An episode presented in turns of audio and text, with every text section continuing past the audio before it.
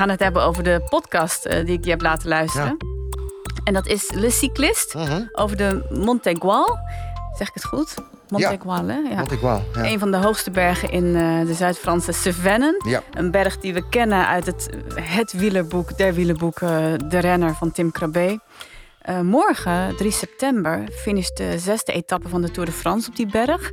Ehm, Jerry Huinder en Kees Graafland gaan op zoek naar de verhalen rondom die berg en vragen zich dan eigenlijk af: is het net zo'n mythische berg als de Mont Ventoux, als eh, de Alpe d'Huez? Even luisteren naar hoe die podcast begint en we hebben naar de eerste aflevering geluisterd. Ja. Ik ben Jerry. En ik ben Kees.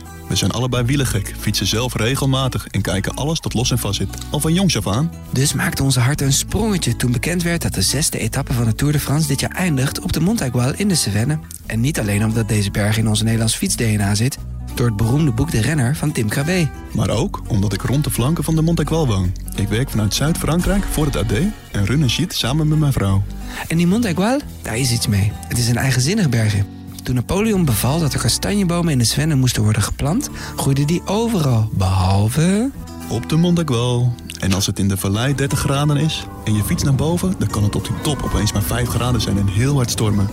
Daarnaast doen er hier tal van andere verhalen de ronde over de Montegual. Van epische wielenverhalen tot bosbranden en zelfs de dood. De reden genoeg om op onderzoek te gaan en de lokale verhalen van de Montagual te ontdekken. Welkom bij de podcast Le Cycliste. Welkom in de Cevennes. Ja, de Montegual. Zelf gefietst? Nee, ik ben wel steeds benieuwd naar die streek. Want eh, er is ook vorige week een film uitgekomen van Laurens de Dam over eh, het boek De Renner, waar, waar ze dus door die streek fietsen. En het is prachtig. Het is- ik, ik ben er nog nooit geweest.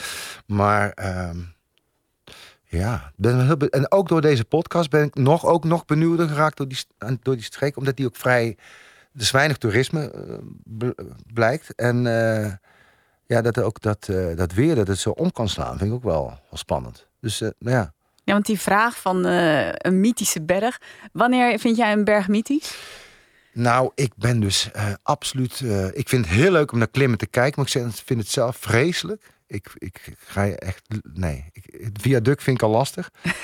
Ehm, maar mythische berg, kijk, eh Alp, d'Huez is, eh, vind ik. Nee, dat vind ik niet eh, mythisch meer, zeg maar. Die is gewoon te carnavalesk geworden, zeg maar. Met Die al is die gewoon mensen. verpest. Ja, die is verpest, ja. En die Mont Ventoux die is wel angstaanjagend, omdat daar die wind daar, daarboven en die kale berg, dat is wel mooi.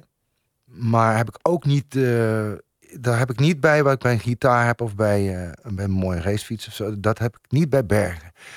Wel qua hoe mooi ze zijn, hè, hoe, eh, qua natuurschoon, maar niet in, in mythische zin om ze op te rijden. Als je dan ehm, de Strade Bianchi in eh, Italië kijkt, dus zo, zo door Toscane en door die gravel roads, dat vind ik dan wel weer heel heroïs en mooi. Dat, ja, ik heb niet zoveel met bergen. Nee, dus je, je dicht ze ook geen karakter toe of zo. Mm, nee, En Maar je hebt wel iets met, eh met wielerverhalen. ja, ja zeker ja. En eh, met de hele romantiek eh, die er omheen zit. Wat, Ja. wat is een van jouw favoriete wielerverhalen? Of, Heb ik eigenlijk niet. Ik, heb, ik kan alleen momenten voor me zien dat ik denk, wauw, wat mooi of wat goed. Of...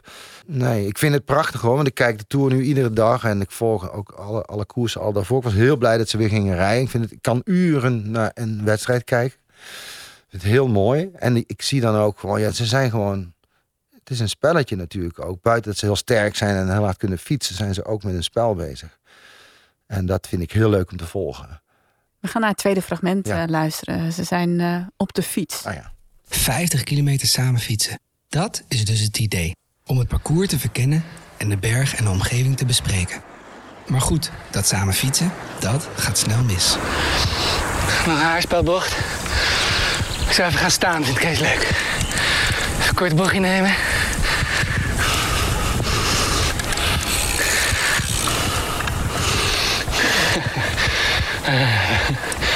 En weg is die. Kijk, en Jerry fietst wat vaker dan mij. Dus ik zal vooral zijn kont zien. Hij heeft geschoren benen, best eh, dikke onderbenen, gespierd hè.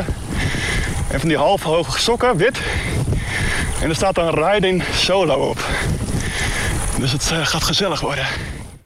Ben jij een uh, alleen fietser of, uh, of een samenfietser? Uh, ik, ik, fiets heel veel alleen op het moment. Dat komt ook de corona natuurlijk. Ik, ik vind in groepjes vind ik ook heel leuk. Maar het wisselt een beetje. Ik vind, als ik alleen maar met mensen fiets, dan wil ik heel graag toch weer een keer alleen. En ehm, ja, het is gewoon heel lekker. Om op die fiets te zitten na 20 minuten, dan, begint, dan is gewoon alles een beetje vergeten. Ook wat ik nog moest doen, laat ik dan rust liggen. Dan fiets ik gewoon door. Vind ik lekker.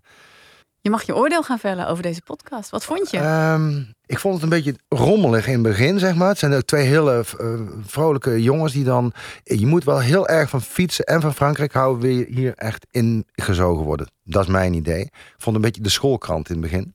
dus dat is niet heel uh, positief. Uh, en uiteindelijk vind ik dat wordt het een stuk beter. En dan gaan ze namelijk met iemand van de VVV in, in, in de Cevennes spreken over... waarom moet deze berg, uh, waarom zouden jullie willen dat die mythisch wordt of is? Ik denk dat deel 2, dit is de eerste aflevering, dat dit wel beter gaat worden. Maar nou, mij hadden ze niet te pakken, zeg maar. Ik vond het heel leuk dat die Fransen aan, aan, aan bod kwamen. En dat die dan, hoe trots die zijn, dat vind ik al, dat zijn ze zo schaamteloos. Vind ik heerlijk. Ja. Dat vind ik fijn om te horen. En dat doen ze ook goed. Ik denk dat er nog uh, wel kans is, als ik de tweede luister, dat ik enthousiaster ben, eerlijk gezegd. Maar ik vond het een beetje, een beetje stuiterig van start gaan. En niet dat het niet stuiterig mag, maar ja, ik, zat, ik, ik was niet meteen in het wiel, om het zo maar te zeggen.